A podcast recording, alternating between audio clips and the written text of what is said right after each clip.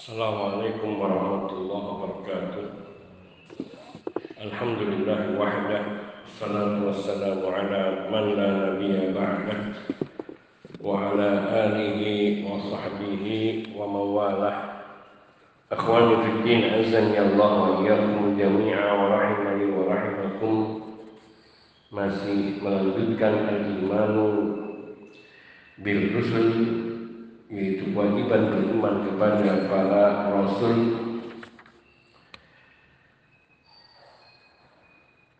Iman kepada para rasul dalam masalah ini adalah kemaksuman para rasul.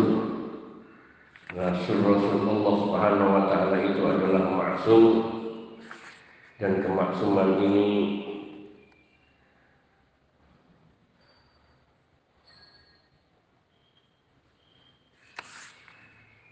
ditandai dilihat bahwa segala apa yang disampaikan oleh para rasul dari Allah Subhanahu wa taala adalah hak dan terjaga dari segala kesalahan. Maknanya para nabi dan rasul tidak akan melakukan suatu kesalahan pun di dalam menyampaikan wahyu dan risalah dari Allah Subhanahu wa taala. Namun demikian mereka sebagai manusia ada dosa-dosa yang mereka lakukan namun bukan dosa-dosa yang menyebabkan mereka berpaling dari Allah dosa-dosa yang untuk menunjukkan mereka sebagai manusia dan menunjukkan ke penghambaan mereka kepada Allah yaitu dengan bersegeranya mereka bertaubat kepada Allah Subhanahu wa taala. Seperti yang terdahulu telah kita ceritakan pula bahwa Allah Tabaraka wa taala mengisahkan dalam kitab sucinya yakni bahwa para nabi dan para rasul ini mereka bertaubat kepada Allah minta ampun kepada Allah Subhanahu wa taala atas dosa-dosa yang telah lalu. Kemudian para nabi sallallahu wasallam alaihi mereka ini adalah orang-orang yang tidak pernah menunda-nunda taubat ketika mereka terjatuh kepada satu dosa dan dosa ini adalah dosa yang sangat kecil di mata kita. Barangkali mungkin di kita dipandang sebagai makruh namun pada para nabi dan para rasul ini sebagai sebuah dosa yang mereka bersegera memohon ampun kepada Allah. Bahkan mereka adalah orang-orang yang bercepat diri mempercepat saling berlomba untuk memohon ampunan kepada Allah Subhanahu wa taala. Dan mereka di dalam memohon ampun kepada Allah Subhanahu wa taala kadang tidak hanya cukup dengan sekali dua kali istighfar atau taubat bahkan mereka melakukannya secara berulang-ulang. Kita mengenal sendiri bagaimana Rasulullah Shallallahu Alaihi Wasallam beliau bersabda wa ya ayuhan nas istaghfiru istaghfiru rabbakum. Wahai manusia istaghfirullah bertaubatlah meminta mohonlah ampunan kepada Allah. Wa inni astaghfirullah fi yawmin akthar min sab'ina marrah. Sungguhnya aku dalam sehari bertaubat kepada Allah meminta ampun kepada Allah melebihi daripada 70 kali dalam riwayat lain fa inni astaghfirullah fi kulli yawmin mi'ata marrah. Dan sungguh aku beristighfar kepada Allah setiap hari 100 kali. Dan ini mengisyaratkan bahwa Rasulullah Shallallahu Alaihi Wasallam sebagai hamba Allah, utusan Allah dan sebagai manusia yang beliau tidak luput dari kekurangan dan beliau menutupi kekurangan itu dengan banyak beristighfar. Namun sungguh hakikatnya beliau juga beristighfar pada setiap keadaan baik beliau melakukan suatu kesalahan bahkan hampir-hampir beliau tidak pernah melakukan kesalahan. Namun beliau tidak pernah berhenti untuk beristighfar. Para nabi dan para rasul mereka tidak menangguhkan istighfar mereka menunda-nunda istighfar mereka dan mereka adalah para nabi yang tidak pernah terus-menerus terjerumus ke dalam dosa dan kemaksiatan mereka bila melakukan satu kecil kesalahan maka mereka akan segera bertobat dan segera meninggalkan perbuatan dosa itu.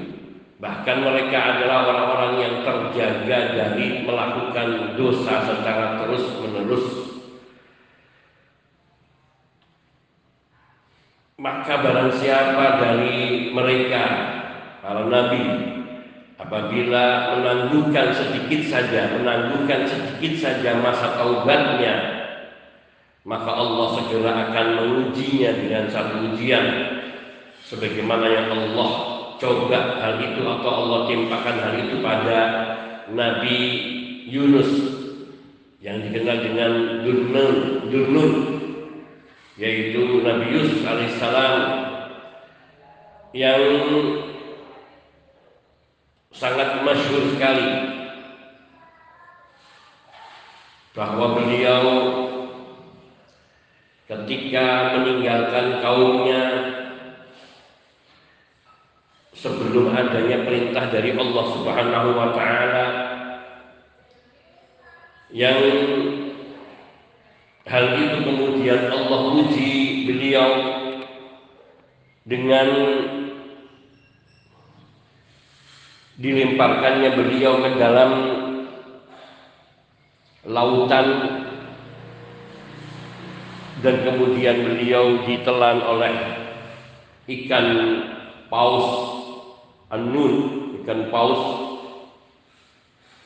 Dan dalam kurun waktu yang lama sampai akhirnya Allah bebaskan dan keluarkan dari perut ikan paus ini karena taubatnya Nabi Yunus alaihissalatu wassalam yang tidak berhenti-hentinya mengucapkan la ilaha illa anta subhanaka inni kuntu minal zalimin.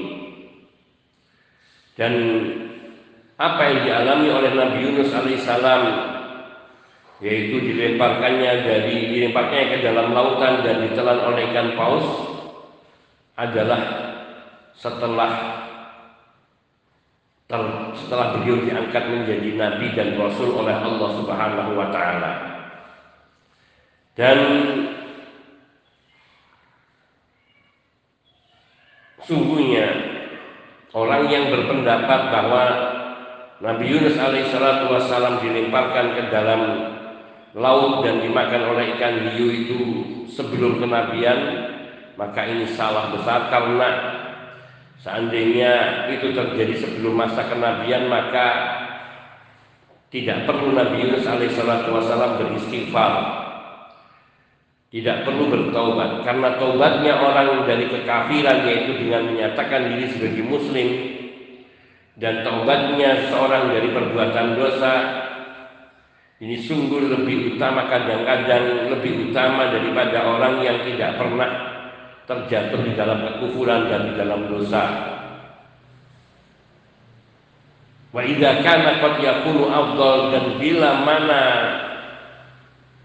terjadinya suatu dosa pada diri seorang yang kemudian diiringi dengan taubat bersegera bisa dikatakan sebagai yang lebih utama daripada orang yang tidak pernah berbuat dosa maka yang lebih utama lagi dan lebih berhak lagi yakni para nabi yang memiliki keutamaan yang tidak sama dengan manusia lainnya.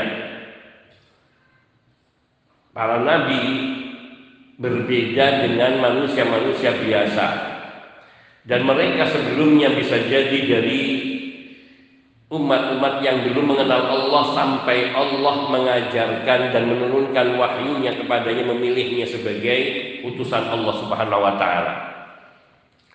Seperti Nabi Ibrahim alaihissalam yang beliau tumbuh di lingkungan yang menyembah berhala bahkan termasuk ayahnya dipandang sebagai bendahara dari negeri itu dan ada yang mengatakan pembuat patung. Dan memiliki pengaruh kaumnya. Namun Nabi Ibrahim alaihissalam ketika mulai menginjak dewasa dan mulai diberikan kesempurnaan berpikir oleh Allah Subhanahu wa taala sehingga beliau akhirnya menginginkan kebenaran dan mencari tahu siapa Rob sebenarnya? Dari mulai menganggap bintang sebagai Tuhan kemudian ia dilihat lemah karena suka tidak tampak. Kemudian bulan namun juga demikian bulan kalau sudah masuk waktu pagi ia hilang. Kemudian matahari yang lebih besar dari bulan namun ia juga demikian ketika memasuki malam ia hilang.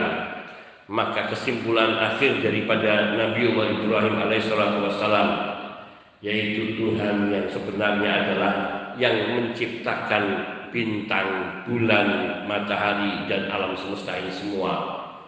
Inilah karunia dari Allah Subhanahu wa taala dan hidayah yang mengisyaratkan bahwa ketika Nabi Ibrahim alaihissalam dipilih menjadi Rasul oleh Allah Subhanahu wa taala maka ia dibebaskan dari segala dosa-dosa di masa lalunya secara otomatis dan kedudukan para nabi itu lebih mulia dari manusia biasa.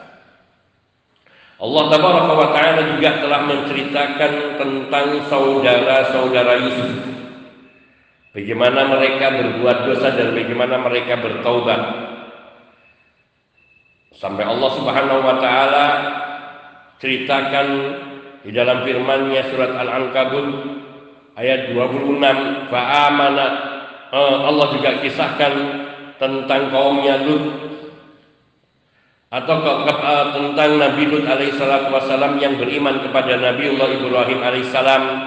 Sehingga Nabi Lut yang dulunya juga termasuk dari keluarga Nabi Ibrahim yang tidak beriman ataupun dari kalangan yang penyembah berhala ataupun berada di dalam lingkungan itu kemudian beriman kepada Nabi Ibrahim dan hijrah kepada Allah Tabaraka wa taala. Allah kisahkan itu di dalam surat Al-Ankabut ayat 26. Fa'amana lahu Lutun wa qala inni muhajirun ila rabbi. Maka Lut alaihi salatu wasalam beriman kepada Nabi Ibrahim dan berkata sungguhnya aku akan hijrah kepada Rabbku maka Nabi Lut alaihissalam beriman kepada Nabi Allah Ibrahim kemudian Allah mengutusnya menjadi Rasul kepada kaum Lut dan ini juga menunjukkan betapa dulu Nabi Lut alaihissalam juga pernah terjatuh di dalam dosa yakni sebelum sebelum kenabiannya yang kemudian setelah itu Allah subhanahu wa ta'ala mengangkatnya menjadi rasul setelah bertaubatnya. Demikian pula Allah Ta'ala bercerita tentang Nabi Shu'aib. Qala al-mala'u alladhina istakbaru min qaumihi lanukhrijannaka ya Shu'aib wal ladina amanu ma'aka min qaryatina aw la ta'udunna fi millatina qala awalau kunna karihin. Maka orang-orang itu berkata, yaitu orang-orang yang sombong dari kaumnya Nabi Shu'aib itu berkata, niscaya kami akan mengeluarkanmu wahai Syuaib juga orang-orang yang beriman bersamamu dari negeri kami ini. Atau kalau kalian atau kalian kembali kepada agama kami agama nenek moyang kami maka qala berkata Nabi Syuaib awalau kunna karihin bagaimana kalau kami tidak mau kami artinya menolak hal itu. Qad iftaraina 'ala Allahi kadiban in udna fi millatikum ba'da id najjalallahu minha. Sungguh kami telah berada-adakan kedustaan atas Allah apabila kami kembali ke dalam agama kalian. Setelah Allah menyelamatkan kami daripada kesesatan itu. Dari agama yang sesat itu. Wa may yakun lana an na'uda fiha illa ayyasha Allah rabbuna wasi'a rabbuna kulla syai'in ilman. Ala Allah tawakkalna rabbana ftah bainana baina qaumina bil wa anta khairul fatihin dan Wa ma yakunu an na'uda fiha? Dan tidaklah patut bagi kami untuk kembali yakni ke dalam agamamu yang sesat ke dalam kesesatan itu. Kecuali apabila Allah berkehendak Rabb kami yang Rabb kami wasi'a rabbuna kulla syai'in man yang ilmu Rabb kami meliputi segala sesuatu yang hanya kepada Allah lah kami berserah diri. Wahai Rabb kami bukakanlah antara kami taklukkanlah antara kami dengan kaum kami dengan kebenaran yakni bukakanlah dengan kebenaran wa anta khairul fatin dan engkau adalah zat sebaik-baik yang menaklukkan atau yang memberikan kemenangan yakni kepada orang-orang yang beriman. Dalam ayat ini pun Nabiullah Shu'aib dengan tegas menyatakan apabila kami kembali ke dalam agama kalian menunjukkan pengakuan dari Nabiullah Shu'aib alaihissalam bahwa beliau yakni sebelum diangkat menjadi nabi dan rasul Beliau termasuk yakni ke dalam kaumnya yang beragama seperti kaumnya. Namun ketika Allah telah menyelamatkan beliau dengan memberinya hidayah seperti yang beliau katakan ba'da id najalallahu minha maka artinya apabila kami kembali lagi ke dalam agama kalian setelah Allah menyelamatkan kami dari agama itu agama sesat itu wa ma yakunu lana dan tidaklah patut bagi kami untuk kembali kepada agama itu. Ini menunjukkan bahwa Nabiullah Shu'aib alaihissalam juga pernah sebelum sebelum diangkat menjadi nabi dan rasul berada di dalam kesesatan kaumnya sebagaimana yang lainnya. Namun ketika Allah Subhanahu wa taala butakan hatinya untuk menerima kebenaran dan Nabiullah Shu'aib itu beriman kepada Allah Subhanahu wa taala maka kemudian Allah Subhanahu wa taala angkat beliau menjadi nabi dan rasul maka perbuatan dosa yang dilakukan sebelum kenabian itu dengan sendirinya akan terhapuskan ketika nabi-nabi itu diangkat oleh Allah sebagai nabi dan mereka pun semua bertaubat kepada Allah Subhanahu wa taala. Allah juga berfirman di dalam surat Ibrahim ayat 13 Wa qala alladziina kafaru li rusulihim lanukhrijannakum min ardina aw la ta'udunna fi millatina. Dan orang-orang yang kufur itu berkata kepada rasul-rasul mereka, yakni rasul-rasul yang diutus kepada mereka. Kata mereka semuanya hampir selama lalu jannakum.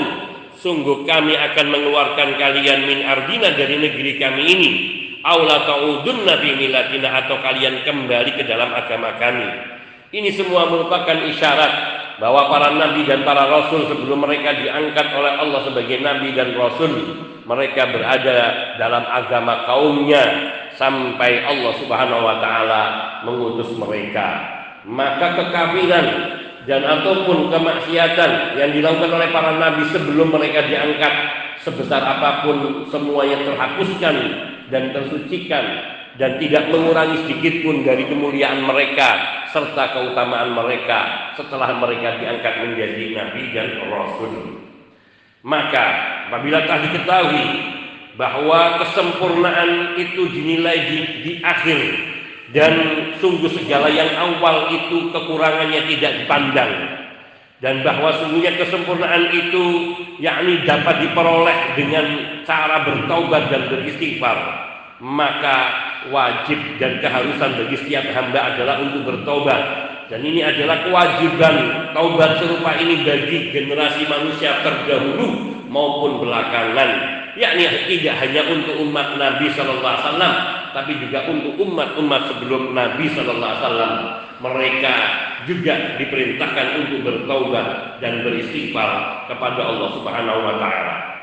Allah Tabaraka wa Taala juga berfirman dalam surat Al Ahzab, liyu'adziballahu al-munafiqina wal munafiqati wal musyrikina wal musyrikati wa yatuballahu 'alal mu'minina wal mu'minati wa kana Allahu ghafurar rahima agar Allah menyiksa yakni Allah akan menyiksa Allah hendak menyiksa orang-orang munafik dan laki-laki dan perempuan serta orang-orang musyrik laki-laki dan perempuan. Dan Allah akan menerima taubat orang-orang yang beriman laki-laki dan perempuan. Dan Allah tabaraka wa taala adalah zat yang maha pengampun lagi maha penyayang. Surat al-ahzab ayat 73 maka di sini kesimpulannya bahwa semua di awal-awal generasi para nabi dan rasul sebelum mereka diangkat menjadi nabi atau di masa remaja sampai dengan masa dewasa mereka sebelum diangkat diangkat nabi oleh Allah mereka juga melakukan penyembahan ataupun juga mengikuti agama kaumnya. Yang isyaratnya itu terdapat pada perkataan-perkataan orang-orang kafir dan juga perkataan Nabi Su'aib yang mengatakan kalau sampai kami kembali kepada agama kamu setelah Allah menyelamatkan kami mengisyaratkan mereka Nabi Su'aib juga seperti kaumnya sebelumnya.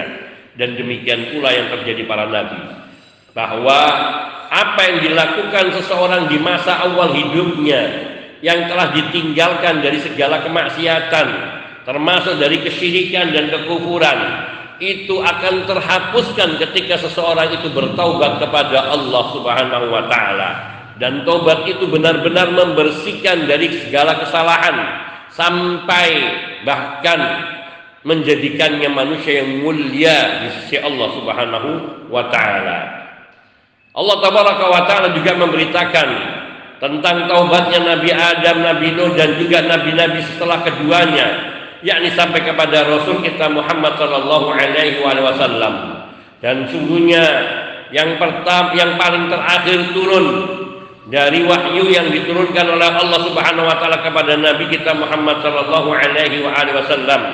Termasuk nih bukan satu-satunya yang termasuk surat-surat terakhir yang turun kepada nabi adalah surat An-Nasr ayat 1 sampai dengan ayat 3 yang Allah tabaraka wa taala berfirman idza jaa nasrullahi wal fath wa ra'aitan nasa yadkhuluna fi dinillahi afwaja fasabbih bihamdi rabbika wastaghfir innahu kana tawwaba. Allah tabaraka wa taala berfirman di dalam surat ini maka apabila telah datang pertolongan dari Allah serta kemenangan yakni kemenangan yang diberikan Allah kepada kaum muslimin. Dan engkau wahai Muhammad sallallahu alaihi wasallam melihat manusia berbondong-bondong masuk ke dalam agama Allah maka sucikanlah Allah dengan memuji Rabbmu. Maka sucikanlah Allah dengan memuji Tuhanmu dan mintalah ampunan kepadanya innahu kana tawwaba sungguhnya Allah adalah zat yang maha menerima taubat ayat ini menyebutkan Nabi Shallallahu Alaihi Wasallam diperintahkan oleh Allah untuk beristighfar dan bertasbih memuji Allah tabaraka wa taala atas karunia kenikmatan Allah subhanahu taala dan untuk membersihkan dosa-dosa Nabi. Dosa-dosa yang baik yang kecil maupun yang tidak tampak atau bahkan yakni dari segala hal yang dipandang oleh Nabi sebagai suatu kekurangan dan juga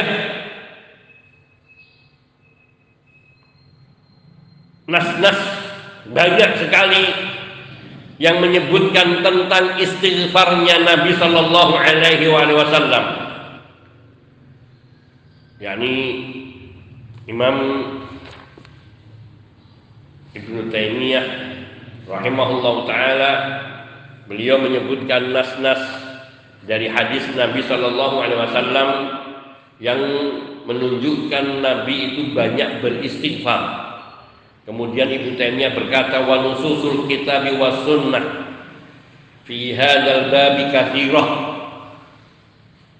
mutadzahirah nas-nas dari Al-Qur'an dan juga dari sunnah berkaitan dengan bab istighfarnya Nabi sallallahu alaihi wasallam sangat banyak dan satu dengan lainnya saling menguatkan wal athar fi dzalika 'ani sahabati wat tabi'in wa ulama'il muslimin katsirah demikian pula asar-asar berkaitan dengan istighfar dan taubat yang diriwayatkan dari para sahabat, para tabi'in dan ulama kaum muslimin juga sangat banyak.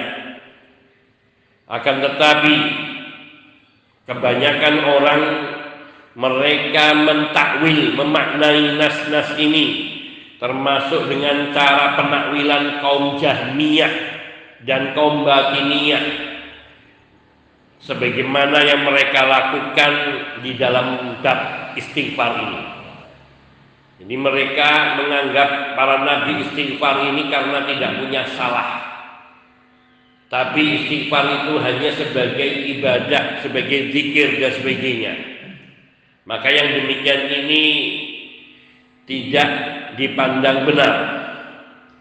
Karena takwil mereka itu menjelaskan tentang kerusakan pemikiran mereka bila kita bila kita mau mengamati dan me, menghayati ataupun me, mendalami apa yang mereka katakan dalam mentakwil ayat-ayat yang berkaitan dengan istighfarnya para nabi dan rasul. Yang bahkan penakwilan mereka ini telah sampai kepada memalingkan ucapan dari makna yang sebenarnya. Seperti penakwilan mereka terhadap firman Allah Subhanahu wa taala dalam surat Al-Fatah ayat 2 liyaghfira lakallahu ma taqaddama min dambika wa ma ta'akhkhar. Al mutaqaddim dambu adam. Wal mutaakhir dambu ummati. Yakni mereka mentakwil. Liyaghfira lakallah. Dalam surat Al-Fatah ayat 2 Allah berfirman menurunkan ayat ini kepada Nabi liyaghfira lakallahu ma taqaddama min dambika wa ma ta'akhkhar. Agar Allah mengampunimu terhadap dosa-dosa yang telah lalu dan dosa-dosamu yang telah lalu dan yang belakangan. Namun mereka orang-orang yang mentakwil nas-nas sorih, nas-nas jelas ini mengatakan bahwa al-mutaqaddim yang dikatakan mutaqaddim agar Allah mengampuni dosa-dosamu yang telah lalu mereka katakan itu dosanya Nabi Adam wal mutaakhir dan mati sedangkan dosa-dosa yang belakangan yaitu dosa-dosa umat Nabi. Sehingga maknanya agar Allah mengampuni dosanya Nabi Adam dan umat-umatmu yang maksud mereka bahwa Nabi tidak berbuat dosa sama sekali. Padahal ayat ini dengan jelas menegaskan bahwa Nabi diampuni oleh Allah dosa-dosanya yang lalu yakni sebelum beliau menjadi Nabi dan Rasul dan juga dosa-dosa yang belakangan yakni segala yang kekeliruan dan kesalahan yang terjadi pada diri Nabi seperti ketika Nabi berpaling dari Abdullah ibnu Umi Maktum dan lebih memperhatikan para tokoh dari bangsa Quraisy yang datang kepada Nabi atau ketika Nabi mengharamkan madu yang sungguhnya halal bagi Nabi dari Allah Subhanahu wa taala hanya gara-gara Nabi ingin mendapatkan keridoan hati istri-istri beliau. Juga banyak lagi yakni ketika Nabi Shallallahu Alaihi Wasallam memilih menentukan pendapatnya Abu Bakar dan Ali serta yang lainnya di dalam masalah tawanan perang Badar yang kemudian Allah menyalahkan sikap Nabi dan membenarkan perkataan daripada Umar bin Khattab radhiyallahu taala Ini semua juga merupakan sebuah kesalahan yang dilakukan oleh Nabi yang Allah telah mengampuninya. Dan Nabi Shallallahu Alaihi Wasallam senantiasa beristighfar kepada Allah dan bertaubat kepada Allah. Dan dosa-dosa itu justru untuk menunjukkan bahwa Nabi hanya manusia biasa dan menunjukkan pula betapa besarnya rahmat Allah kepada para nabi sehingga Allah mengampuni dosa-dosa beliau mata qaddama wa mata akhar dosa-dosa yang lalu dan dosa-dosa yang kemudian. Ibnu Taimiyah rahimahullah taala beliau juga berkata wal jumhurul ladina yaquluna bi jawazi saghair alaihim yaquluna innahum ma'sumuna min al-iqrari 'alaiha wa hina idzin fama wasafuhum illa bima fihi kamaluhum fa innal a'mala bil khawatim wa qaul mukhalif yalzamu alaihi qaulun nabi la yatubu ila Allah. Dan jumhur ulama mayoritas dari para ulama yang mengatakan bahwa bisa saja para nabi itu melakukan dosa-dosa kecil bijawazi saghair alaihim artinya mungkin saja para nabi itu melakukan dosa-dosa yang kecil. Dan mereka mengatakan innahum ma'sumuna minal iqrar 'alaiha bahwa para nabi dan rasul ini mereka terjaga untuk terus-menerus melakukan dosa-dosa kecil itu. Hanya sekali-kali satu dua kali.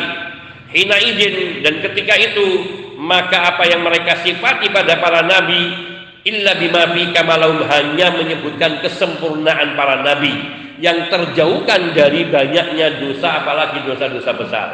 Jadi kesalahan yang terjadi pada para nabi adalah dosa-dosa kecil dan tidak terus menerus dan ini justru untuk menunjukkan satu sisi kesempurnaan mereka sebagai manusia yang tidak luput dari dosa dan juga menunjukkan kesempurnaan mereka sebagai hamba Allah yang selalu menjaga diri dari perbuatan dosa. Yaitu ketika terjatuh kepada satu dosa segera mereka meninggalkannya dan beristighfar kepada Allah Subhanahu wa taala. Karena sungguhnya di dalam agama kita nilai amalan itu yang dipandang adalah pada akhirnya yaitu penutupan amalan itulah yang menentukan seseorang itu di mana. Ketika seorang itu meninggal dalam keadaan yakni taat kepada Allah Subhanahu wa taala, bertaubat dari kesalahan-kesalahannya, maka dia meninggal dalam keadaan husnul khatimah. Dan itulah yang dipandang. Sungguhnya Nabi Shallallahu alaihi wasallam juga pernah bersabda innal innal abda la innal abda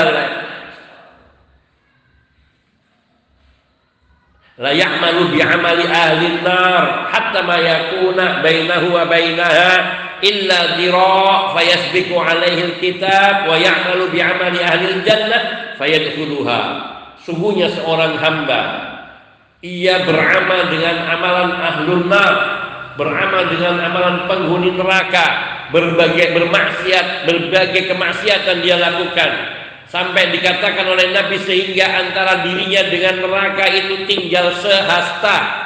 Illa uh, illa dira hanya tinggal sehasta artinya sudah sangat dekat dengan kematiannya.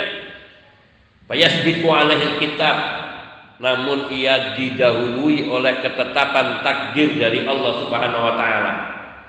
Maka ia beramal dengan amalan ahlul jannah. Ia bertaubat kepada Allah kemudian memperbaiki amalannya, membaguskan ketaatannya kepada Allah sampai akhirnya mati dalam keadaan beriman kepada Allah. Fayadkhuluha sehingga dia masuk ke dalam surga Allah Subhanahu wa taala. Dan ini sungguh ada, ada teman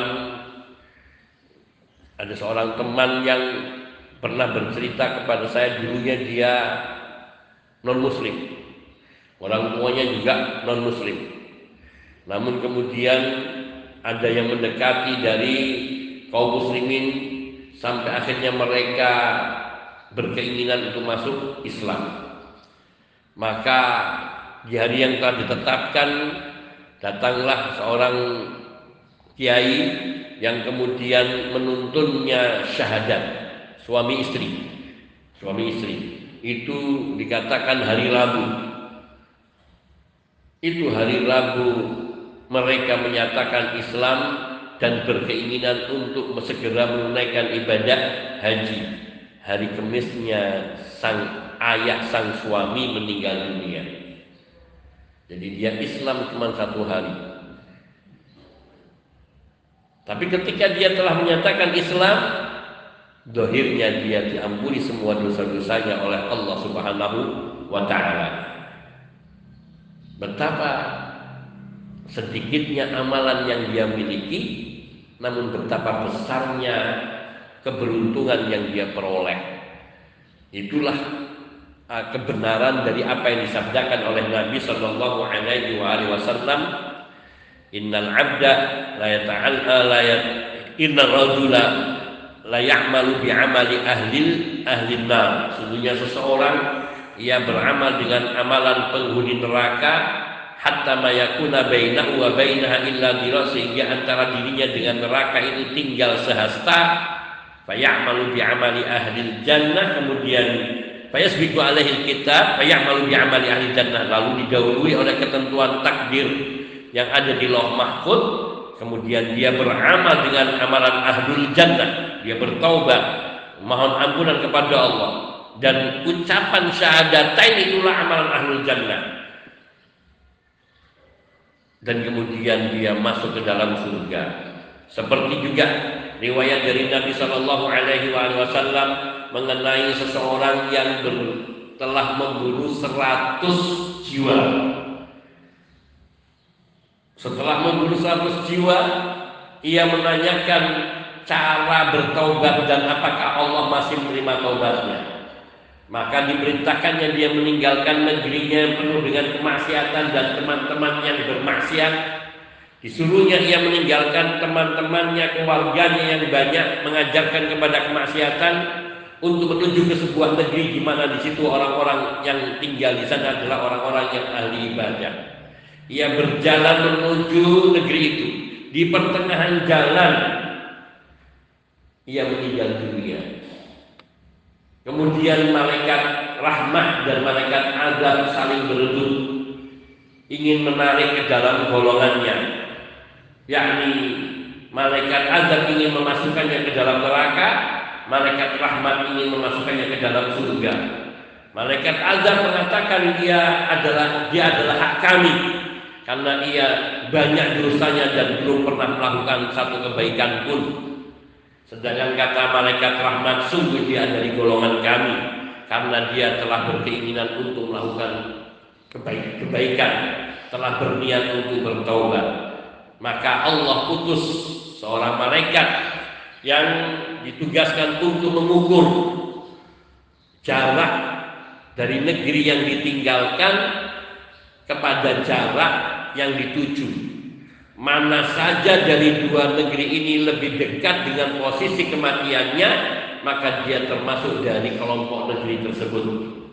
Maka diukurlah oleh malaikat kedua malaikat ini dengan disaksikan malaikat yang diutus oleh Allah ini dan Allah Maha mengetahui namun setelah diukur ternyata orang ini lebih dekat sejengkal lebih dekat sejengkal ke negeri yang sedang ditujunya untuk bertaubat kepada Allah maka Allah perintahkan hamba itu untuk dimasukkan ke dalam surga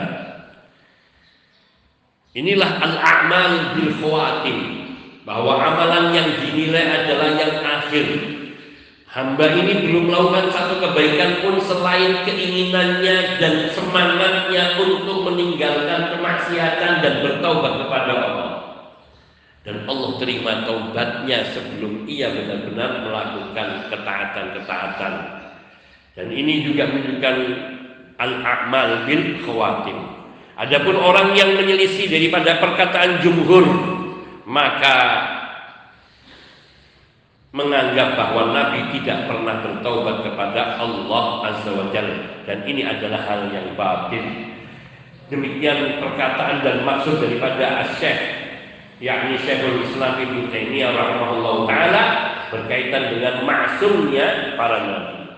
Kemudian secara ringkas dapat disimpulkan bahwa para nabi alaihi salatu wasalam maksum dan kemaksuman para nabi ini ada yang disepakati oleh para ulama dari awal kenabian mereka sampai dengan akhirat kenabian mereka. Dan ada yang diperselisihkan oleh para ulama yaitu di awal dan tidak di akhirnya. Artinya mengenai awal awal kehidupan para nabi atau sebelum mereka menjadi nabi apakah mereka pernah berbuat dosa atau tidak nah, ini diperselisihkan Adapun akhirannya ya setelah mereka diangkat menjadi nabi dan akhir hayat mereka maka tidak ada perselisihan bahwa para nabi semuanya maksum dari terjatuh kepada dosa terutama di menjelang akhir hayatnya. Maka keterangannya kesimpulan yang pertama para ulama sepakat bahwa para nabi mereka semua maksum. Ini jelas. Sebagaimana yang mereka yakni maksum di dalam menyampaikan berita yang mereka terima dari Allah taala. Di dalam menyampaikan wahyu dan risalah Allah maka para nabi maksum dan ini disepakati oleh para ulama semua semuanya. Karena sungguhnya kemaksuman para nabi dan rasul di dalam menyampaikan wahyu dan risalah adalah tujuan Allah mengutus mereka. Kalau seandainya wahyu yang disampaikan oleh oleh para oleh para nabi ini tidak terjaga dari kesalahan, maka agama ini akan rusak. Sehingga syariat itu akan diragukan kebenarannya. Kenapa? Karena bisa dikatakan nanti bahwa Nabi bisa saja melakukan kesalahan dalam menyampaikan wahyu. Maka para ulama semua sepakat bahwa para nabi dan rasul tidak akan pernah melakukan kesalahan di dalam menyampaikan wahyu. Ini yang disepakati. Yang kedua, para ulama mereka berselisih pendapat mengenai kemaksuman para nabi dan rasul dari kemaksiatan. Artinya ada yang mengatakan bahwa nabi juga pernah berbuat dosa, maksiatan. Ada yang mengatakan tidak mungkin nabi melakukan kemaksiatan ataupun dosa. Ini perkataan di antara para ulama. Ada yang mengatakan mutlak nabi tidak pernah berbuat dosa sama sekali, baik besar maupun kecil. Karena kedudukan kenabian sangat mustahil untuk sampai menjatuhkan kedudukannya atau menyelisihi Allah Taala secara sengaja. Karena kita diperintahkan untuk mencontoh dan meneladani para nabi. Sehingga tidak boleh para nabi itu terjatuh ke dalam kemaksiatan di dalam perbuatan mereka. Karena perintah untuk meneladani Nabi Sallallahu Alaihi Wasallam mengharuskan kita untuk yakni menjadikan amalan para nabi itu semuanya sebagai ketaatan dan kemudian mereka mentakwil hadis-hadis dan ayat-ayat suci Al-Quran yang menegaskan hal itu namun ini pendapat pertama dari dari kedua dan namun jumhur ulama mengatakan boleh jadi para nabi itu melakukan dosa-dosa tapi yang kecilnya. Dosa-dosa yang kecilnya. Dalilnya adalah yakni riwayat-riwayat dan pemberitaan-pemberitaan yang tersebut di dalam Al-Qur'an. Bagaimana mereka terjatuh kepada sebuah kesalahan, dua kesalahan, kemudian mereka dikaruniai taufik untuk segera beristighfar kepada Allah dan meminta ampun kepada Allah. Dan mereka tidak terus menerus di dalam melakukan kesalahan sebagaimana kebanyakan manusia. Sehingga mereka bertaubat dan kembali dari kemaksiatan itu kepada Allah Subhanahu wa taala sebagaimana hal ini telah dirinci di panjang lebar oleh Syekhul Islam Taimiyah rahimahullahu taala. Sehingga para nabi itu maksum terjaga dari melakukan dosa-dosa yang terus menerus. Dan perintah untuk beriktidak atau menteladani para nabi adalah apa yang dilakukan oleh para nabi yakni di dalam taubatnya apa yang dilakukan oleh para nabi di dalam taubatnya artinya yang benarnya yang kita diperintahkan untuk mengikuti para nabi dan rasul dan kita dilarang mengikuti apa yang salah dari para dari para nabi. Ini kesimpulan. Jadi kesimpulannya ada dua poin. Yang poin pertama bahwa para ulama seluruhnya dari ahlu sunnah wal jamaah bersepakat bahwa para nabi terjaga dari kesalahan maksum di dalam melaku, menyampaikan wahyu dari Allah Subhanahu wa taala. Yang kedua, ada perselisihan di antara para ulama yaitu berkaitan dengan apakah sebelum wafatnya para nabi ini mereka atau bahkan dari sebelum menjadi rasul dan nabi ini mereka terjaga dari kesalahan dosa kecil maupun besar atau tidak maka ada sekelompok yang mereka mengatakan bahwa para nabi ini mutlak terjaga dari segala kesalahan sehingga tidak mungkin ada seorang nabi yang berbuat dosa baik di masa mudanya, kecilnya atau setelah diangkat menjadi nabi.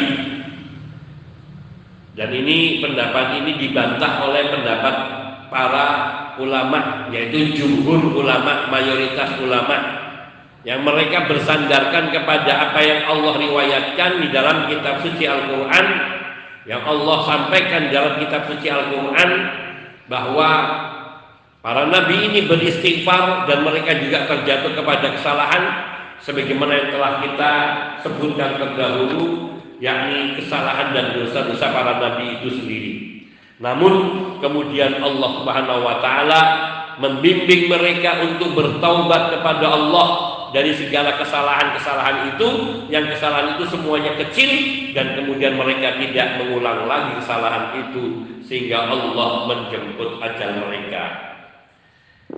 Ini sampai di sini penjelasan tentang maksudnya para nabi sehingga yang benar bahwa nabi di dalam menyampaikan wahyu tidak mungkin salah maka semua wahyu yang bersumber dari Rasulullah Shallallahu Alaihi Wasallam baik itu Al-Quran maupun Sunnah Nabi jauh dari kesalahan dan kekeliruan. Seandainya dalam sejarah disebutkan ada kesalahan yang terjadi pada diri Nabi, maka sesungguhnya Allah segera mengingatkan dan Allah langsung mengilhami ataupun memberikan taufik kepada para nabi tersebut atau nabi kita Muhammad Shallallahu Alaihi Wasallam untuk bertaubat dan meminta ampun kepada Allah. Kemudian yang perlu kita ketahui selanjutnya dalam tema pembahasan berikutnya yaitu bahwa agama para nabi alaihi wassalatu wassalam itu satu sama dan tidak ada perbedaan. Nabi Adam alaihissalam, Nabi Nuh, Nabi Idris dan sampai kepada Nabi kita Muhammad sallallahu alaihi wasallam mereka semua adalah nabi-nabi yang beragama satu sama. Meskipun syariatnya ada yang berbeda namun ajaran agama intinya sama yaitu mentauhidkan Allah Subhanahu wa taala Dalilnya adalah surat Asy-Syura ayat 13. Allah tabaraka wa taala berfirman, "Syara'a lakum minad dini ma wasa bihi Nuha." Walladzina aw walladzi auhayna ilaika wa ma wasayna bihi Ibrahim wa Musa wa Isa an aqim an aqimud dina wa la tatafarraqu fihi Syara'a lakum minad din Allah telah mensyariatkan untuk kamu dari agama ini ma bihi Nuhan seperti yang Allah wasiatkan dengannya kepada Nabi Nuh alaihi salatu wassalam wasiat Allah kepada Nabi Muhammad sallallahu alaihi wasallam dan kepada umat Islam seperti wasiat Allah kepada Nabi Nuh alaihi salam. Walladzi auhayna ilaika dan juga yang kami wahyukan kepadamu wahai Muhammad sallallahu alaihi wasallam. Wa ma Ibrahim wa Musa wa Isa. Dan juga apa yang kami wasiatkan dengannya kepada Ibrahim, Musa dan Isa. Annallaha an aqimud dina. Yaitu tegakkanlah agama yang lurus yaitu mentauhidkan Allah. Wala tatafarraqu fihi dan janganlah kalian berpecah belah di dalam beragama kepada Allah yakni jangan sampai ada yang menyekutukan Allah maknanya perbuatan menyekutukan Allah berbuat syirik itu artinya memecah belah agama karena agama yang benar itu adalah satu yaitu mengesahkan Allah Subhanahu wa taala di dalam sesembahan dan peribadatan. Ditegaskan lagi mengenai bahwa mengenai bahwa agama para nabi itu satu dalam sabda Nabi Shallallahu alaihi wasallam yang beliau menyatakan uh, yang beliau beriman juga di dalam surat Al-Mu'minun sebelum hadis itu. Ayat 51 sampai dengan 52 Allah berfirman ya ayyuhar rusul Kulu minat tayyibati wa'malu salihan. Inni bima ta'maluna alimun. Wa inna hadhi ummatukum ummatan wahidatan wa ana rabbukum fattaqun. Wahai para rasul makanlah dari yang baik-baik yaitu yang halal atau yibat yang halal. Wa'malu salihan dan beramal solehlah kalian. Ini bima ta'maluna alim sungguhnya aku maha mengetahui terhadap apa yang kalian perbuat.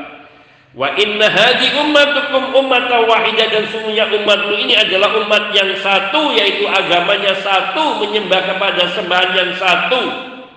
Wa ana rabbukum dan aku Rabb kalian semuanya. Meskipun kalian berbagai macam agamanya dari agama-agama yang Allah utus Rasul kepada mereka, wa ana rabbukum aku Tuhan kalian semua, pencipta kalian semua.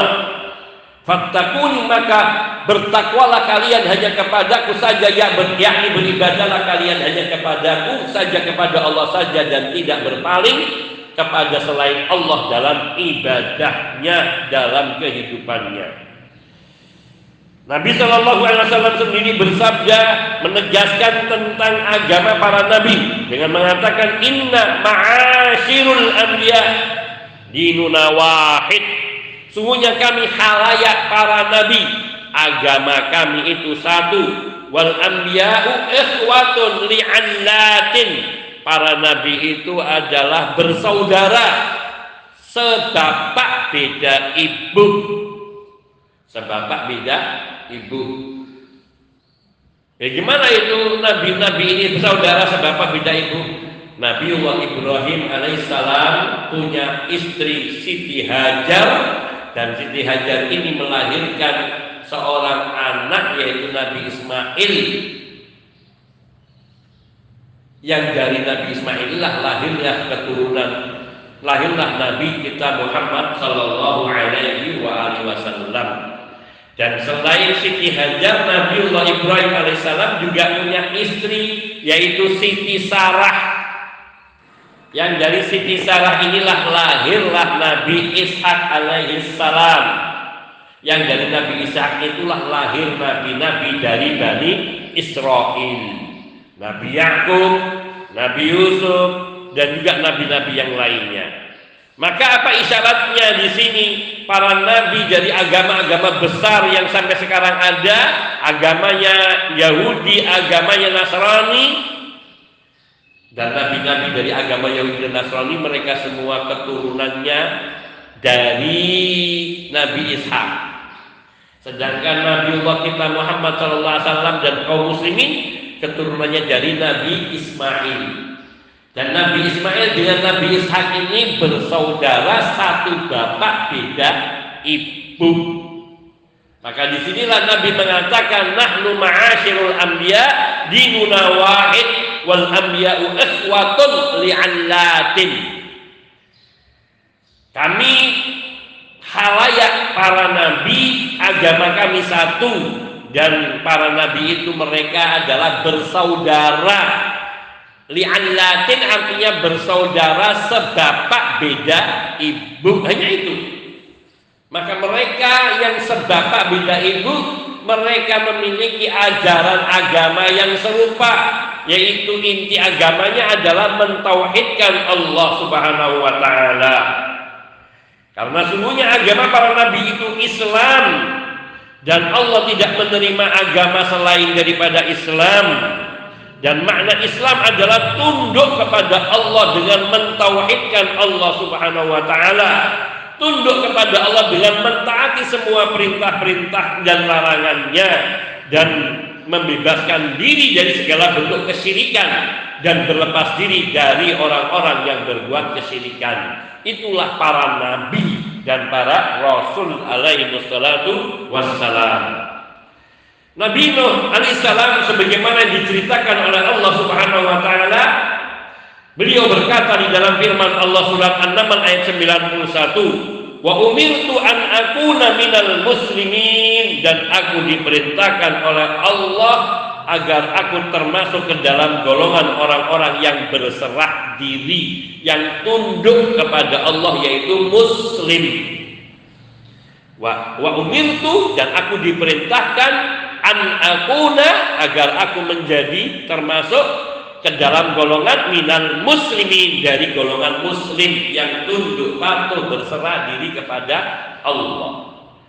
Juga Allah berfirman tentang diri Nabi Ibrahim alaihi salatu wassalam dalam surat Al-Baqarah ayat 131 Allah tabaraka wa taala berfirman qala lahu rabbuhu aslim Qala aslamtu li rabbil alamin. Ingatlah tatkala berkata Rabbnya Nabiullah Ibrahim kepada diri beliau. Allah berfirman, "Aslim Islamlah kamu, tundukkanlah dirimu dan hatimu hanya kepada Allah dengan mentauhidkannya. Inilah tafsir aslim. Qala maka berkata Nabiullah Ibrahim alaihissalatu wassalam, Aslamtu li rabbil alamin. Aku tunduk dan aku menyatakan diri sebagai muslim tunduk kepada pencipta pengatur penguasa alam semesta dan Allah juga berkisah tentang Nabi Allah Musa alaihissalatu wassalam di dalam surat Yunus ayat 84. Wa qala Musa ya qaumi in kuntum amantum billahi fa alaihi tawakkalu in kuntum muslimin. Berkata Nabi Allah Musa alaihissalatu wassalam wahai kaumku in kuntum amantum billah apabila kalian benar-benar beriman kepada Allah fa'alaihi tawakkalu maka hendaknya hanya kepada Allah sajalah kalian berserah diri bersandar. In kuntum muslimin bila kalian benar-benar termasuk orang-orang yang berserah diri yaitu tunduk kepada Allah yaitu muslim bila kalian benar-benar muslim maka bersandarlah hanya kepada Allah Subhanahu wa taala itu surat Yunus ayat 84. Di dalam surat Al-Maidah ayat 111 Allah berfirman tentang bercerita tentang Nabi Isa Al-Masih alaihi salatu wassalam. Allah berfirman wa id awhaitu ilal hawariyina an aminu bi wa bi rasuli qalu amanna wa syahad bi annana muslimun. Dan ingatlah tatkala aku wahyukan kepada tatkala aku perintahkan kepada kaum Hawari yaitu para pendukung Nabiullah Isa alaihissalam an aminu bi wa bi rasuli. Berimanlah kalian kepadaku dan kepada rasulku yakni Nabi Isa alaihissalam Kalau maka kaum pendukung Nabiullah Nabiullah Isa alaihissalatu wassalam, pengikut Nabi Isa alaihissalam, sahabat-sahabat Nabi Isa alaihissalam, mereka berkata semuanya, amanna kami beriman, washhad dan saksikanlah ya Allah di annana muslimun bahwa kami adalah orang-orang muslim yaitu yang tunduk berserah diri patuh kepada Allah dalam semua ketentuannya. Allah Tabaraka wa Ta'ala juga telah berfirman mengenai para nabi-nabi terdahulu dan juga tentang kitab Taurat. Allah berfirman dalam surat Al-Maidah ayat 44, "Yahkumu bihan nabiyyun alladziina aslamu lil hadu." Nabi-nabi ini mereka berhukumkan dengan kitab Taurat yaitu para nabi yang mereka telah berserah diri yaitu Islam mengikuti orang-orang yang hadu yaitu yang mereka beragama Yahudi. Nabi-nabi yang beragama Yahudi ini semuanya mereka tunduk kepada ketentuan hukum Allah di dalam kitab Taurat. Yaitu maknanya mereka mentauhidkan Allah dan agama mereka sama dengan nabi-nabi sebelumnya maupun sesudahnya. Allah juga berfirman kepada uh, berfirman tentang Ratu Sabah. Di dalam surat An-Naml ayat 44 Allah berfirman menceritakan perkataan Ratu Sabah ini Rabbi inni zalamtu nafsi wa aslamtu ma'a Sulaiman lillahi rabbil alamin. Wahai Rabbku sungguhnya aku telah berbuat zalim terhadap diriku. Dan aku telah berserah diri.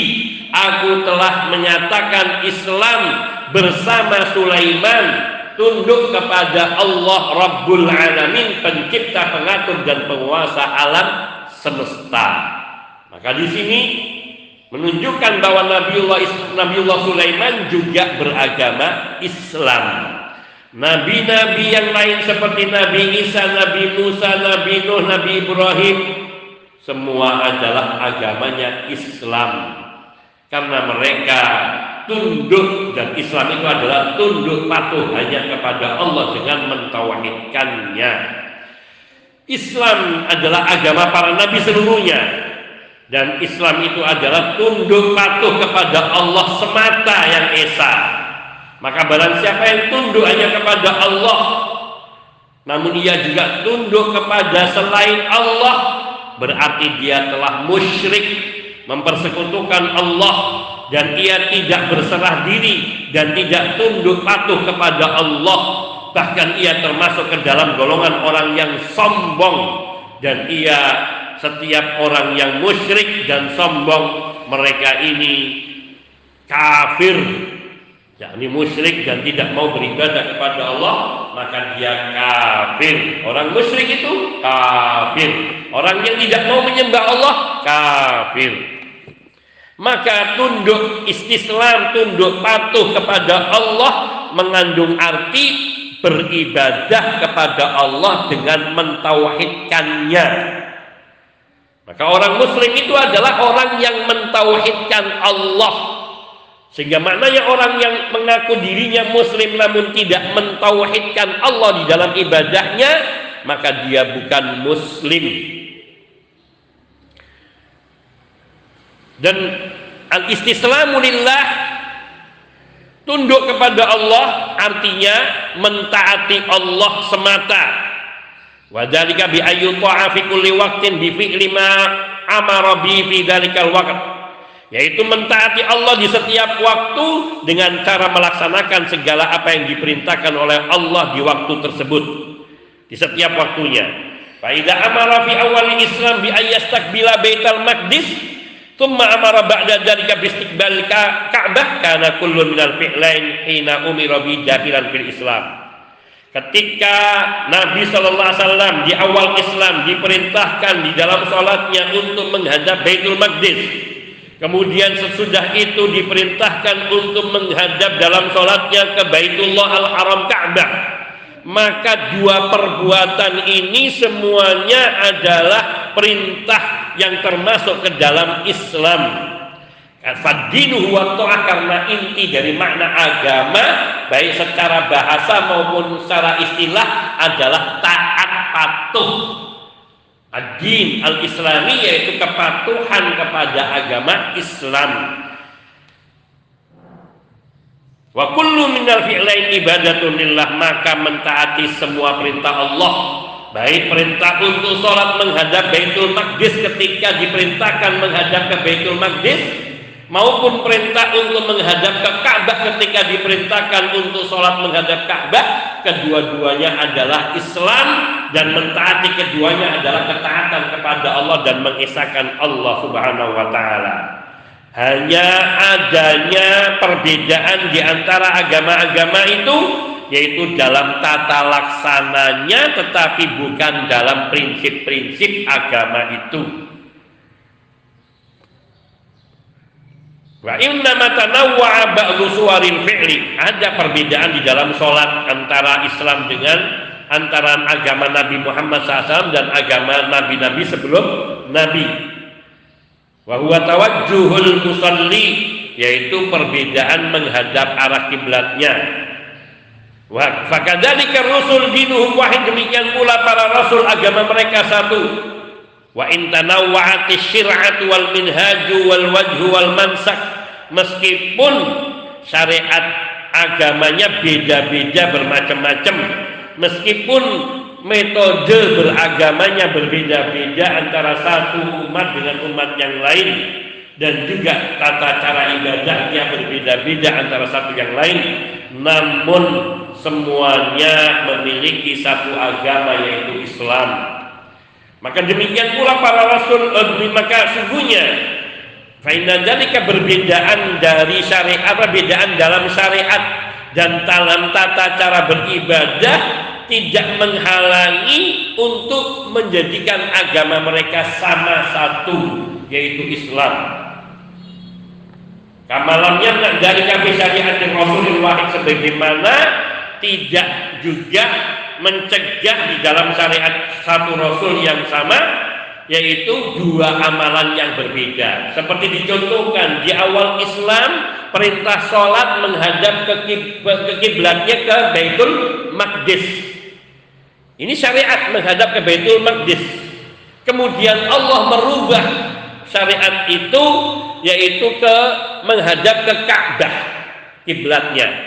Maka lihat dua syariat yang berbeda ketika datang perintahnya dari Allah tidak merubah syariat itu sebagai syariat selain Islam. Salat menghadap Baitul Maqdis ketika diperintah oleh Allah adalah Islam. Dan syariat ketika diperintahkan salat menghadap Ka'bah oleh Allah juga adalah syariat Islam. Tidak menyebabkan perbedaan syariat itu mengeluarkan dari agama Islam karena kedua-duanya adalah bentuk ketaatan dan kepatuhan kepada Allah Subhanahu wa taala. Maka di sini agama para nabi adalah sama meskipun syariatnya berbeda-beda. Maka kadang-kadang Allah memberikan syariat di waktu tertentu suatu perintah karena suatu hikmah. Kemudian di waktu lain Allah mensyariatkannya perintah yang lain untuk suatu hikmah yang lain. Maka mengamalkan suatu syariat yang telah dihapuskan sebelum dihapuskannya syariat tersebut adalah ketaatan kepada Allah Subhanahu wa taala.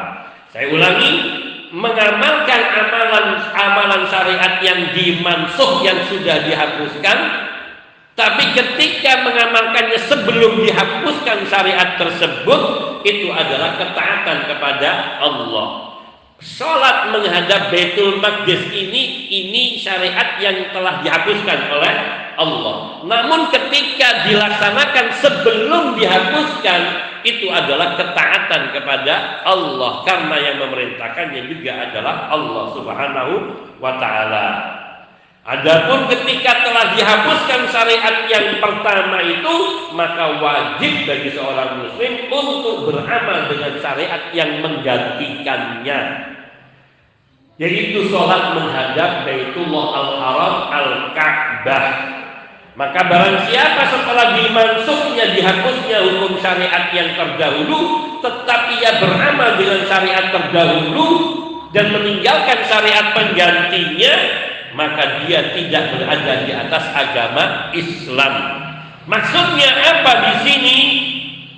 Dan dia tidak dikatakan sebagai pengikut bagi nabi-nabi yang diutus Allah kepada mereka. Maksudnya para pengikut nabi-nabi sebelum Nabi Muhammad Sallallahu Alaihi Wasallam. Mereka dikatakan Muslim ketika mereka mentaati para nabi mereka di sebelum adanya penghapus syariat mereka, yaitu sebelum diutusnya Nabi Muhammad Sallallahu Alaihi Wasallam. Maka ketika Nabi Muhammad Shallallahu Alaihi Wasallam diutus oleh Allah Subhanahu Wa Taala, maka syariat Nabi menghapuskan syariat-syariat umat-umat terdahulu sebelum Islam. Dihapuskan semua syariatnya dan digantikan oleh Allah dengan syariat yang diajarkan oleh Nabi Shallallahu Alaihi Wasallam maka bagi para pengikut nabi-nabi terdahulu yang bila mereka tetap menyatakan diri mereka sebagai umat nabi mereka wajib meninggalkan syariat nabi-nabi mereka dan mengikuti syariat penggantinya yaitu syariat Nabi Muhammad sallallahu alaihi wasallam. Hal itu serupa dengan syariat perintah sholat menghadap Baitul Maqdis kemudian dihapuskan dan diganti dengan sholat menghadap ke Baitullah Al-Haram Al-Ka'bah. Ini sangat jelas dan rinci sekali Allah membuat syariat bahwa ketentuan syariat sebelum Nabi Muhammad terhapuskan ketika Allah telah menggantikan dengan syariat Nabi Muhammad SAW sehingga hukum syariat terdahulu itu dihukumi hukum mansuh dan syariat Nabi Shallallahu Alaihi Wasallam disebut sebagai nasih yaitu yang menggantikan syariat terdahulu. Oleh karena itu orang-orang Yahudi dan Nasara yang tidak mau mengikuti Islam, tidak mau beragama dan bersyariatkan dengan syariat Nabi kita Muhammad Shallallahu Alaihi Wasallam mereka telah kafir Kenapa? Karena mereka masih tetap berpegang teguh dengan syariat yang telah diganti dan telah dihapuskan. Maka demikian pula orang-orang Islam yang selama ini mengikuti ajaran yang tidak disadari itu menyimpang dari Islam seperti bertawasul kepada ahlul kubur termasuk juga melakukan amalan-amalan yang bid'ah mengikuti dari para pendahulunya yang tidak disadarinya itu menyimpang. Maka ketika telah jelas baginya kebenaran yang datang hendaknya ia meninggalkan hal-hal yang salah dan keliru tersebut dan hanya beramal yang bersumber dari Allah dan Rasulnya Shallallahu Alaihi Wasallam. Dan Allah Taala telah mensyariatkan bagi setiap umat syariat-syariat yang sesuai dengan keadaan mereka dan zamannya. Dan syariat yang Allah tetapkan untuk setiap umat itu menjamin bagi kemaslahatan umat tersebut. Syariat Allah yang Allah turunkan kepada Nabi Ibrahim, Nabi Musa, Nabi Yakub dan seterusnya adalah syariat yang cocok dan sesuai untuk umat di zaman itu. Namun kemudian Allah menetapkan syariat lain untuk umat-umat yang hidup di masa-masa yang berbeda dengan keadaan yang berbeda tujuannya untuk menyempurnakan kemaslahatan umat tersebut dengan ketaatan kepada syariat tersebut maka kemaslahatan itu dijamin dengan adanya syariat. Kemudian Allah Subhanahu wa taala menghapuskan dari syariat-syariat itu sesuai dengan yang Allah kehendaki karena berakhirnya masa berlakunya syariat tersebut yaitu perubahan zaman dan keadaan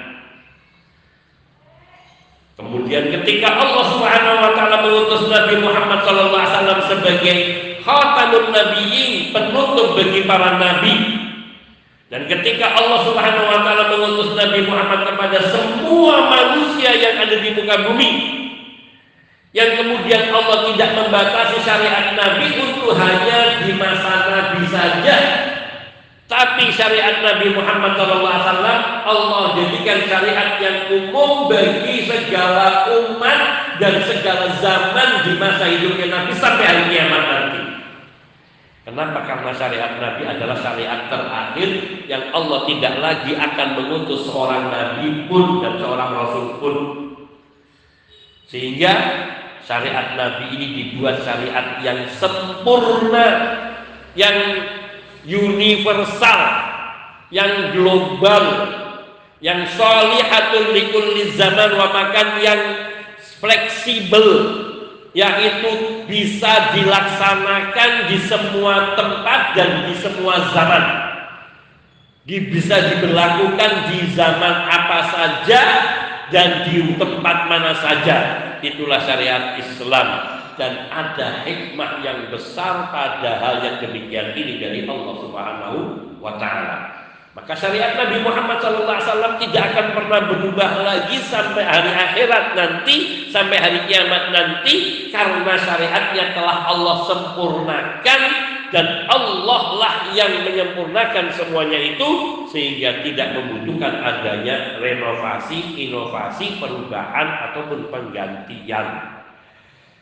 Latap Lalu badal walatun sah syariat Nabi itu tidak akan ada terjadi penggantian dan tidak akan terjadi penghapusan dan tidak dibenarkan bagi seluruh penduduk bumi untuk merubah dan menggantikan syariat Nabi.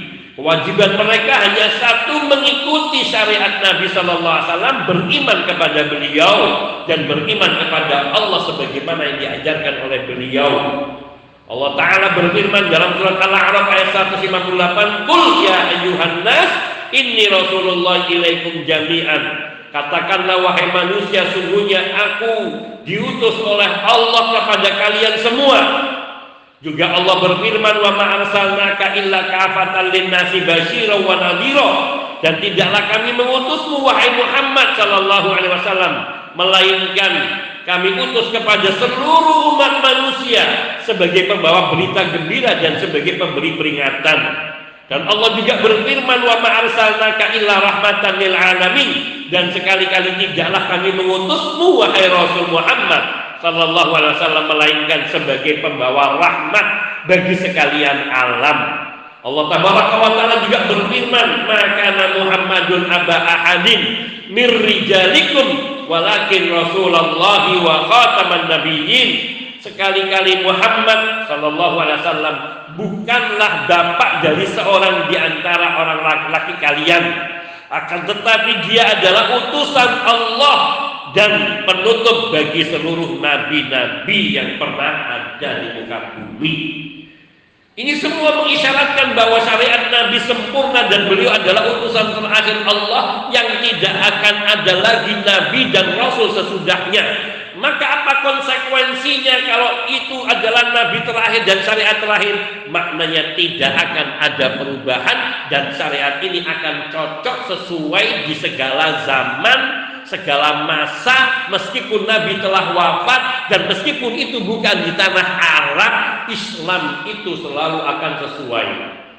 Maka sungguh sangat hina kalau sampai ada orang yang mengatakan bahwa Islam Islam itu cocoknya hanya di negeri Arab. Kalau Islam di sini ya harus disesuaikan dengan Islamnya sini Islam Nusantara maka yang demikian ini batil dia merasa lebih pintar dari Allah. Karena Allah yang mengatur semuanya Allah yang menyempurnakan semuanya. Dan ini termasuk suudon kepada Allah berprasangka buruk kepada Allah bahwa Allah tidak bisa menetapkan syariat yang cocok untuk negeri ini. Sehingga Allah membiarkan membolehkan bagi manusia yang tinggal di negeri ini untuk merubah syariat Allah. Sehingga terlahir NKRI harga mati yang maknanya tidak mau menerima syariat selain syariat Pancasila. Ini kekafiran yang harus diingatkan pada umat. Karena mereka beranggapan seperti itu seolah-olah bahwa syariat Islam itu tidak sempurna ayat-ayat yang Allah turunkan kepada Rasulullah Shallallahu Alaihi Wasallam Nabi kita Muhammad Shallallahu Alaihi Wasallam terdapat di dalamnya perintah-perintah bagi semua makhluk dari kalangan jin dan manusia berbagai jenis manusia baik bangsa Arab maupun non Arab dan tidak mengkhususkan syariat Islam ini untuk bangsa Arab saja dengan hukum tertentu akan tetapi semua hukum itu berlaku bagi seluruhnya. Maka hukum kafir, hukum Islam, hukum mukmin, hukum munafik, hukum orang baik, orang jahat, orang muhsin, orang bolim dan semua istilah-istilah yang tersebut di dalam Al-Quran dan Hadis maka ini semua adalah ketetapan hukum yang mutlak dari Allah yang berlaku bagi semua umat manusia. Falaysa fil Quran wal hadis taksisul Arab bi hukmin syariah. Tidak ada dalam Al-Quran maupun dalam hadis Nabi Sallallahu Alaihi Wasallam sesuatu dalil yang mengisyaratkan kehus pengkhususan bangsa Arab dengan satu hukum tertentu. Akan tetapi mengkaitkan semua hukum-hukum itu dengan sifat-sifat yang muathirah yang memberikan dampak pada apa yang Allah cintai, Allah sukai dan pada apa yang Allah benci. Yakni bahwa semua syariat yang Allah tetapkan di dalam kitab suci Al-Qur'an itu memiliki ketentuan sifat perintah adalah hal-hal yang yang diperintahkan oleh Allah. Oleh Allah adalah hal-hal yang disukai oleh Allah. Larangan-larangan Allah dalam Al-Quran adalah hal-hal yang dibenci oleh Allah diberlakukan untuk semua umat manusia di negeri mana pun mereka hidup dari sejak diutusnya Nabi Wasallam sampai hari kiamat. Maka turunnya Al-Quran dengan bahasa Arab hanyalah semata-mata sebagai sarana untuk disampaikannya wahyu Allah karena bahasa Arab itu memiliki keluasan makna dan keistimewaan dan di samping itu yaitu agar tersampaikan kepada bangsa yang di situ Nabi diutus oleh Allah. Hanya sebagai sarana pemula. Sebagai sarana wasit mediasi, media saja. Kemudian dari mereka lah agama ini disebarkan dan diajarkan kepada semua umat dan Allah wa taala memerintahkan kepada Nabi untuk menyampaikan semua wahyu ini kepada kaumnya dan kemudian kaumnya diperintahkan untuk mengajarkan kepada orang-orang yang di dekat mereka terus sampai kepada seluruh muka bumi ini. Itu hanya awal. Seperti perintah Nabi, perintah Allah untuk bijihadil akrab wal akrab Ketika dalam Islam pertama kali untuk menyebarkan dakwah, Allah memerintahkan Nabi untuk berjihad memerangi kaum musyrikin yang ada di sekitar tanah Arab. Sampai ke Persia, sampai ke Romawi, sampai ke Asia, Asia, Asia Tenggara, sampai ke Asia dan seterusnya sehingga Islam itu menyeluruh di semua negeri dan tidak ada pengkhususan syariat tertentu untuk bangsa tertentu di masa tertentu. Sesungguhnya pencapaian syariat itu dilakukan dengan cara berangsur-angsur dan tidak sekaligus. Tujuannya bahwa agama para nabi alaihi wasallam itu satu yaitu mengikhlaskan ibadah hanya kepada Allah Subhanahu wa taala saja dan larangan dari berbuat syirik dan berbuat kerusakan. Maka berbagai bentuk jenis syariat yang Allah turunkan sesuai dengan kondisi dan kebutuhan di masa-masa terdahulu sebelum Nabi pada umat-umat nabi-nabi terdahulu itu untuk suatu hikmah sehingga sampai Allah menutup risalahnya dengan diutusnya Nabi Muhammad Shallallahu Alaihi Wasallam yang risalah Nabi Muhammad itu berlaku bagi seluruh umat manusia dan bangsa jin sepanjang masa sampai akhir kehidupan dunia ini. Tidak ada menerima satu perubahan penggantian dan penghapusan. Syariat Nabi Muhammad Shallallahu Alaihi Wasallam solihatun yaitu yang amalan syariat yang tepat yang mengenai sasaran. Wa muslihatun likulli zaman wa makan dan memberikan dampak kebaikan bagi setiap masa dan setiap tempat ruang dan waktu. Dan tidak akan pernah ada lagi nabi setelah nabi kita Muhammad SAW sampai akhir zaman nanti. Dan Allah memerintahkan dan Nabi Muhammad SAW memerintahkan seperti para rasul-rasul sebelumnya, yaitu perintah untuk beriman kepada Allah, mengikhlaskan ibadah hanya kepada Allah dengan syariat-syariat Nabi Muhammad SAW. Dan dia Nabi Muhammad SAW musaddiqun ikhwanihim mursalin membenarkan semua para rasul yang sebelum beliau, yang mereka itu hakikatnya saudara beliau dan para Rasul sebelum Nabi Muhammad Sallallahu Alaihi Wasallam mereka telah menyampaikan berita gembira kepada umatnya akan diutusnya Rasul di akhir zaman yang menyempurnakan syariat Allah Subhanahu Wa Taala dan syariat mereka ini.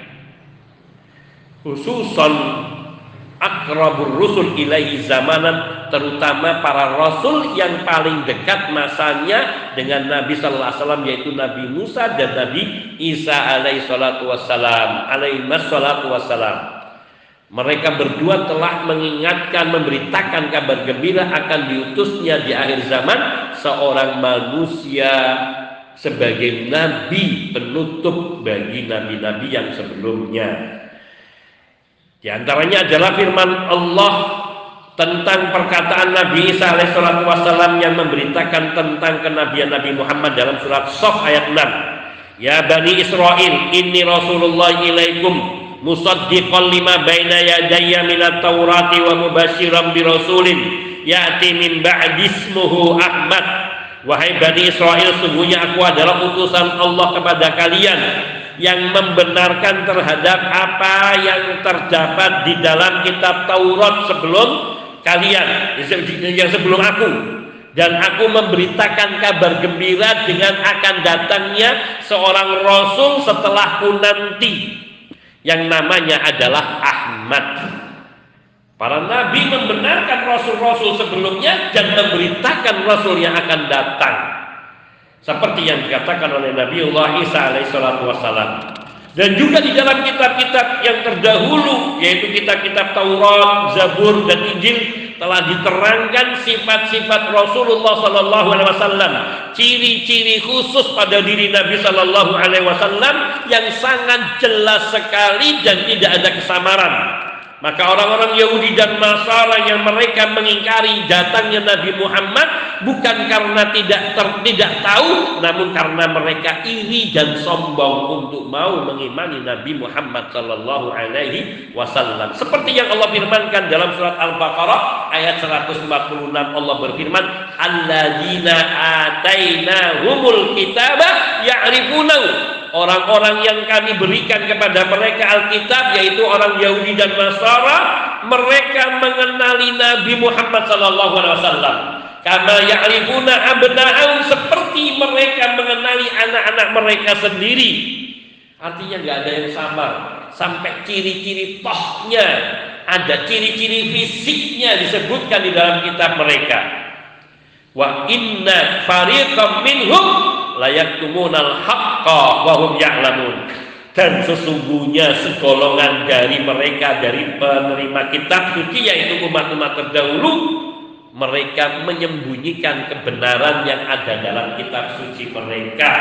Padahal mereka tahu. Dan ciri-ciri itu mereka dapat pada diri Nabi kita Muhammad sallallahu alaihi wa wasallam maka daripada itu kita selalu berdoa, Allahumma arinal haqqa haqqan warzuqna tiba'ah wa arinal batila batilan warzuqna ijtinabah. Demikian ini keterangan tentang yaitu agama para nabi itu satu dan mereka mendakwahkan dengan dakwah yang sama satu yaitu mentauhidkan Allah beriman kepada Allah mentauhidkan Allah di dalam ibadah mengikhlaskan ibadah kepada Allah semata dan mentaati syariat-syariat Rasulullah Sallallahu Alaihi Wasallam yang semuanya demi kemaslahatan hidup manusia itu sendiri. Hada minni wal Barangkali ada pertanyaan. Sallallahu ala nabiyina Muhammadin wa alihi wa sahbihi ajma'in. Rabbil